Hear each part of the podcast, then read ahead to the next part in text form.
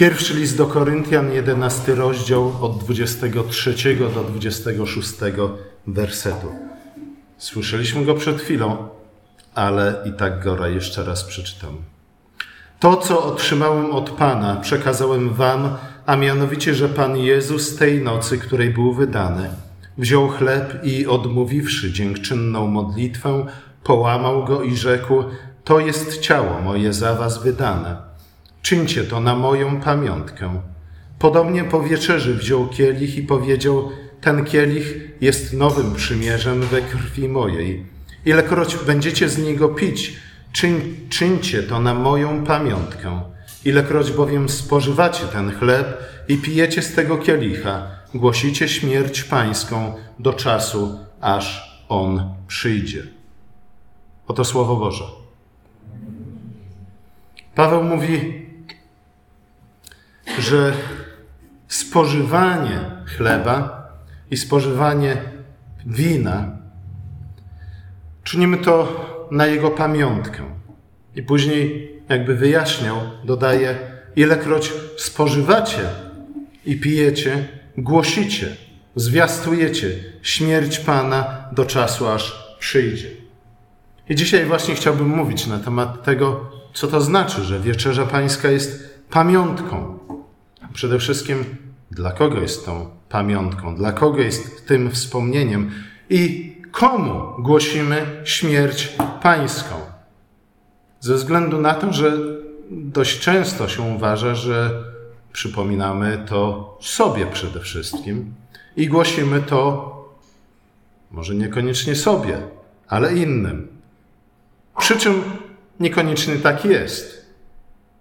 Nie wynika to bezpośrednio z tego tekstu. To jest raczej coś, co sami dopowiadamy. Wieczerza Pańska jest niewątpliwie pamiątką Pańską i głoszeniem śmierci Pana, aż przyjdzie.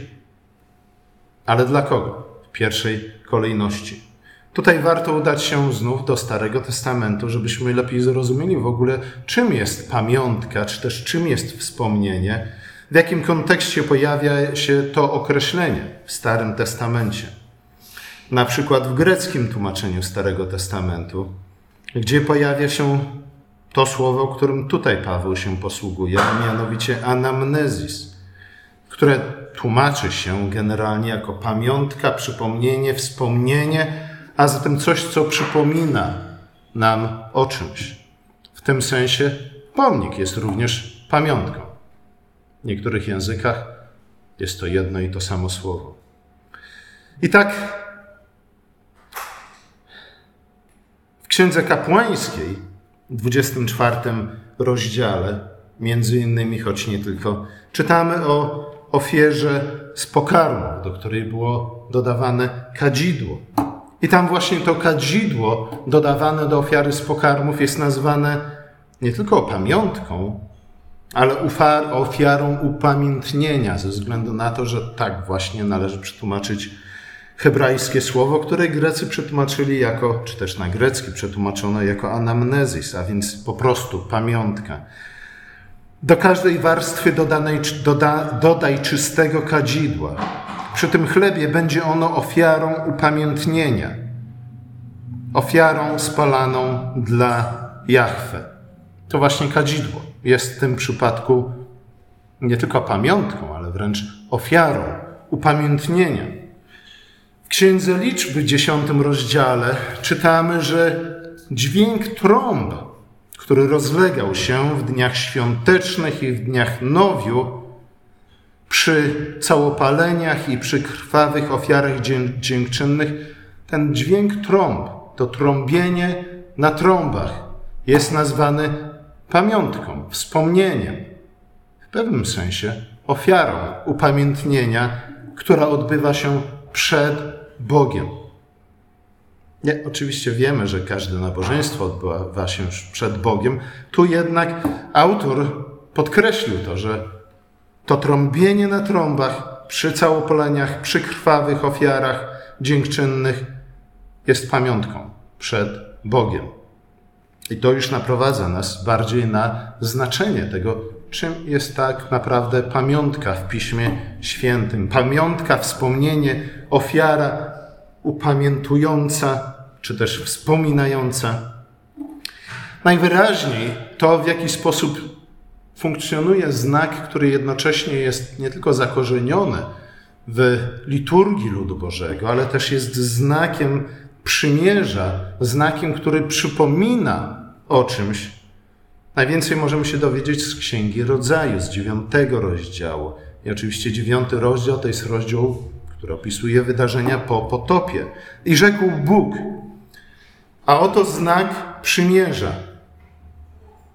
Ważny, znak przymierza.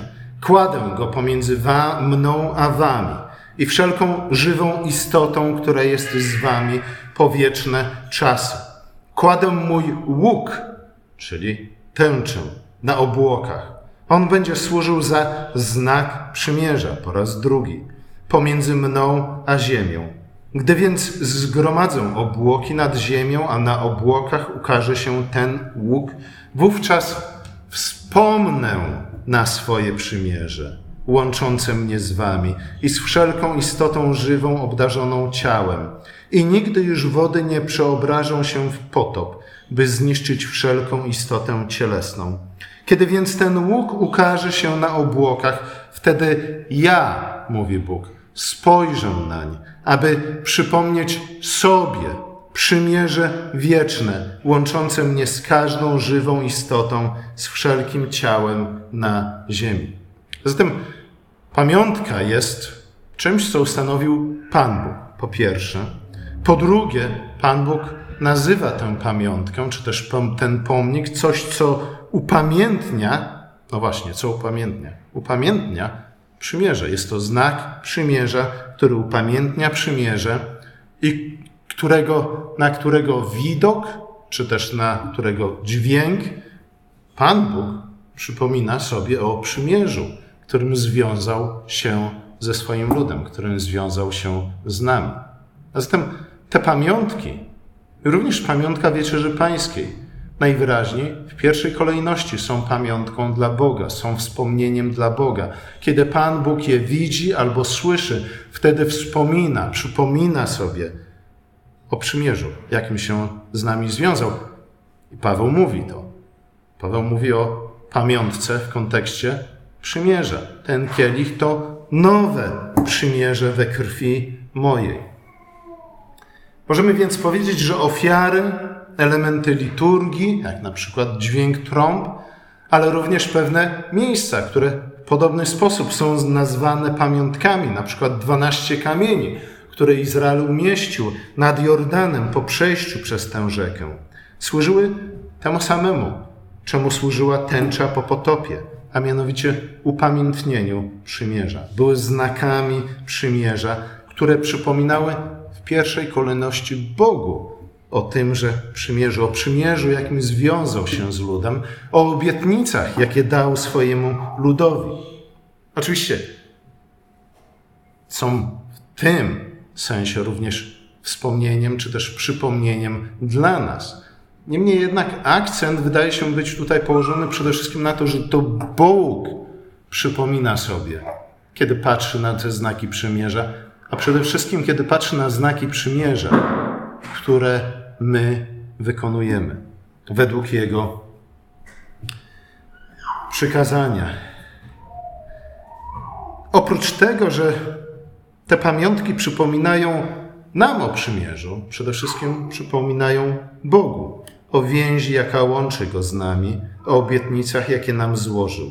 I znów, nie chodzi o to, że Bóg zapomina, nie chodzi o to, że Bóg potrzebuje przypomnienia, chodzi może po prostu o to, że On chce, abyśmy przypominali. I oczywiście moglibyśmy rozwinąć tę myśl i powiedzieć, no tak, nie? Kiedy my przypominamy Bogu o przymierzu, to musimy sobie wpierw sami przypomnieć, co niewątpliwie jest dla nas ważne. Paweł, nie Paweł, Piotr rozpoczyna swój drugi list stwierdzeniem, ja wiem, że o tym wszystkim słyszeliście już dawno, ale pozwólcie, że jeszcze raz wam o tym przypomnę, ze względu na to, że tacy już jesteśmy zapominamy często i gęsto. Dlatego jeszcze raz, nie lubimy, jak ktoś nam o czymś przypomina. Zwykle się złościmy i mówimy: Ach, za kogo ty mnie masz? Ale apostoł wiedział, że potrzebujemy przypomnienia. Pan Bóg wie, że potrzebujemy przypomnienia, ale tutaj nie o przypomnienie dla nas chodzi. Tu chodzi przede wszystkim o przypomnienie dla Boga. Warto też wspomnieć, czy też dodać do tego, że to greckie anamnezis pojawia się także co najmniej w dwóch psalmach, a z kolei pokrewne słowo hebrajskie pojawia się jeszcze w kilku psalmach i to w ich tytułach, gdzie znajdujemy słowa, w zależności od tłumaczenia, ku wspomnieniu, ku przypomnieniu, dla przypomnienia, albo też ku pamięci, to chyba byłoby najpoprawniej po polsku, ku pamięci. I znów, ku pamięci czyjej? No niewątpliwie naszej, ale nie tylko. Ku pamięci Boga. Słuchajcie, czym są psalmy? Psalmy są przede wszystkim śpiewanymi modlitwami, zgadza się? Dlaczego śpiewamy te psalmy? No tak, żeby zachęcić siebie nawzajem, żeby pokrzepić siebie nawzajem,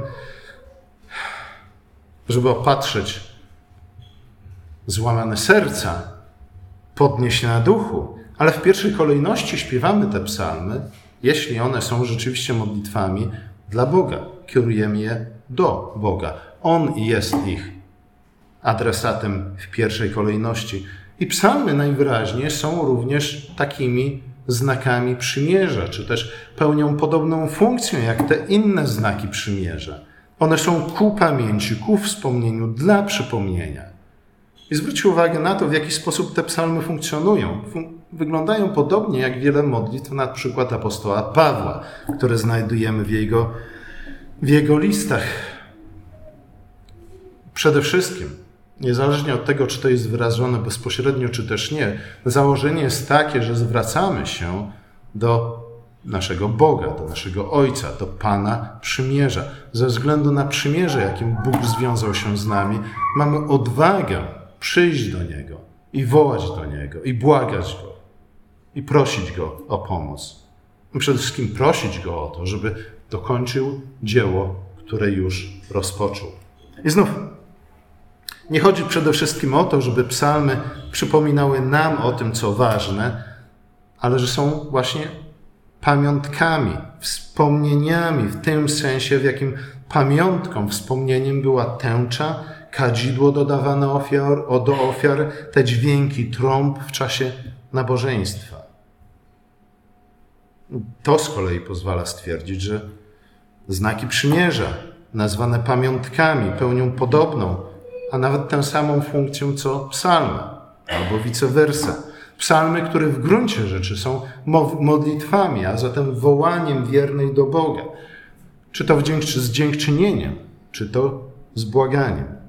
I znów, nie powinno nas dziwić w związku z tym, że w którymś momencie y, autor którejś tam księgi Pisma Świętego czyni to połączenie bezpośrednio. Łączy kadzidło, które jest znakiem przymierza, które jest nazwane pamiątką, ofiarą wspomnienia, czyni kadzidło czym? Symbolem czego? Symbolem modlitwy, modlitwy wiernych. Kiedy więc sprawujemy wieczerzę pańską, przypominamy Bogu o przymierzu przypieczętowanym krwią baranka, nowego baranka paschalnego. Dlatego też spożywamy, jak pisze Paweł, oddzielnie chleb, czyli ciało, a oddzielnie wino, czyli krew. Skąd to oddzielenie? No słuchajcie, nawet poprzez analogię do tego pierwszego baranka paschalnego, no dokładnie to powinniśmy czynić, ze względu na to, że Hebrajczycy nie brali żywego baranka i nie zagryzali go tak, jak był. Mięso razem z krwią, zgadza się, osobno. To jest bardzo wyraźnie powiedziane. I nie tylko w przypadku baranka paschalnego, ale generalnie wszystkich zwierząt, które jedli. Mięso spożywali, oczywiście po jego odpowiednim spreparowaniu, co czynili z krwią. A właśnie tę krew brali i mazali odrzwia swoich domów. Nie? I to był właśnie znak przymierza, na widok którego anioł śmierci, który nawiedził tej nocy Egipt, pomijał te domy. Stąd też mamy Paschę. A z kolei zaglądał do tych domów, które nie miały na sobie znaku przymierza. Ten anioł pański oczywiście w pierwszej kolejności był aniołem, który przychodzi po to, aby wyzwolić swój lud z domu niewoli. Zatem ci, którzy ukazali przed Bogiem ten znak przymierza, którym była krew baranka paschalnego, oni byli tymi, którzy zostali nie tylko oszczędzeni od sądu, ale byli również tymi, którzy zostali wyzwoleni z domu niewoli po to, żeby w końcu wejść do ziemi obiecanej. Słuchajcie, o to w tym chodzi. Dlatego oddzielnie chleb i wino. To oddzielenie jest częścią znaku przymierza, poświadczającą, że baranek rzeczywiście został zabity i przelał swoją krew za swój lud. Dlatego apostoł pisze, że w ten sposób, sprawując wieczerzę pańską, zwiastujemy śmierć pańską. Wieczerza pańska jest w tym sensie również naszą modlitwą, naszym wołaniem do Boga, aby wspomniał na przymierze, które zostało przypieczętowane krwią naszego baranka, aby wspomniał na swój lud, aby wspomniał na ofiarę baranka, aby wspomniał na obietnice, jakie nam dał, aby wspomniał na początek swojego dzieła zbawienia i odkupienia i odnowienia wszech rzeczy. I aby jest również wołaniem o to, aby on kontynuował to dzieło i aby on je dokończył. Aby dokończył to, co baranek rozpoczął na krzyżu. W ten sposób tę samą strukturę jak Wieczerza Pańska mają, jak już wspomniałem, modlitwy apostoła Pawła, które i nie tylko apostoła Pawła, jakie znajdujemy w jego listach. Najpierw powołanie się na przymierze. Najpierw dziękczynienie Bogu za dzieło, które rozpoczął, a następnie błaganie Boga o to, aby dokończył to dzieło. O czymś podobnym mówił również Paweł w tym fragmencie, który przeczytaliśmy, stwierdzając, że mamy sprawować wieczerzę pańską aż do przyjścia naszego Pana. I czymże będzie to przyjście naszego Pana, jeśli nie dokończeniem Jego dzieła, wbrew temu, co, ni co niestety wielu chrześcijan wierzy. Słuchajcie, Piotr mówi, teraz jest on w niebie, aż do czasu, gdy wszystko zostanie odnowione. Jeśli sprawujemy wieczerzę pańską jako właśnie znak przymierza, jako modlitwę, jest z jednej strony dziękczynną, ale z drugiej strony błagalną, aby Pan dokończył swoje dzieło. Dlatego mamy ją sprawować aż do przyjścia naszego Pana, ze względu na to, że przyjście naszego Pana będzie niczym innym jak dokończenie odnowienia wszech rzeczy. Kiedy więc sprawujemy wieczerzę pańską, tak jak przekazał Pan Pawłowi, jak Paweł przekazał to nam, wtedy Bóg nie tylko przypomina sobie o przymierzu, jakim związał się ze swoim ludem, ale także odpowiada na błaganie i na wołanie swojego ludu. I wieczerza pańska jest, jak powiedziałem, właśnie wołaniem do Boga, aby dokończył dzieło, które rozpoczął na krzyżu.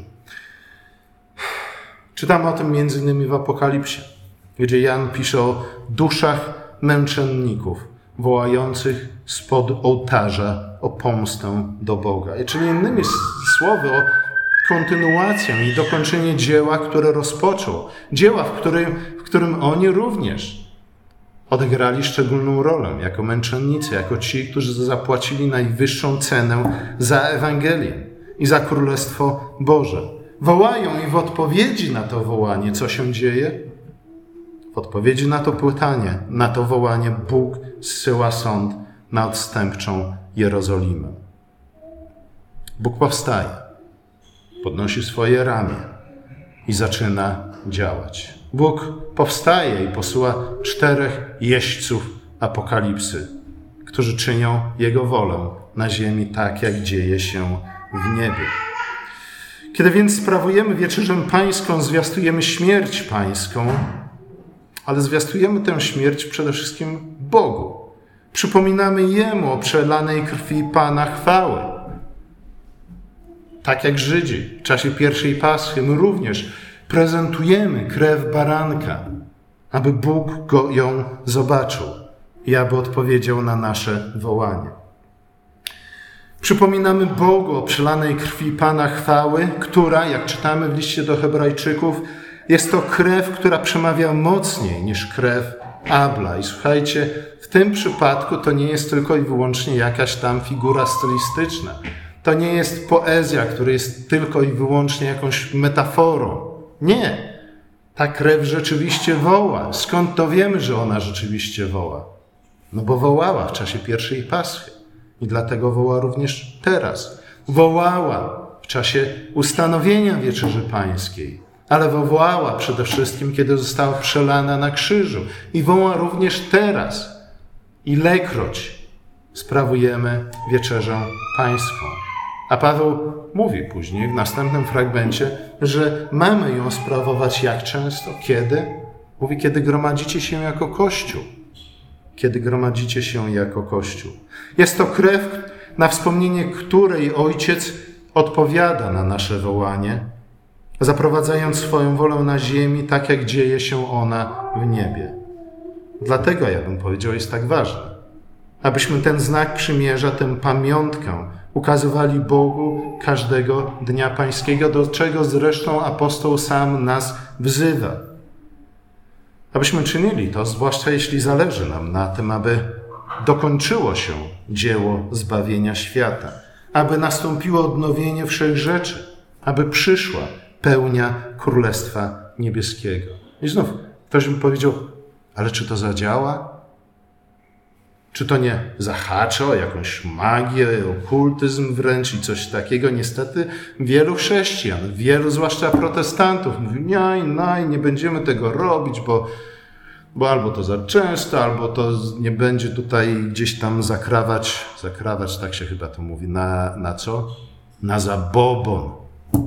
Słuchajcie, no dobrze, niech to będzie zabobon, jeśli zabobonem była również Pascha, którą Żydzi obchodzili jeśli zabobonem była pierwsza Pascha, którą obchodzili w Egipcie. Czy to zadziała? Wtedy zadziałała. Dlaczego miałaby teraz nie zadziałać? Amen.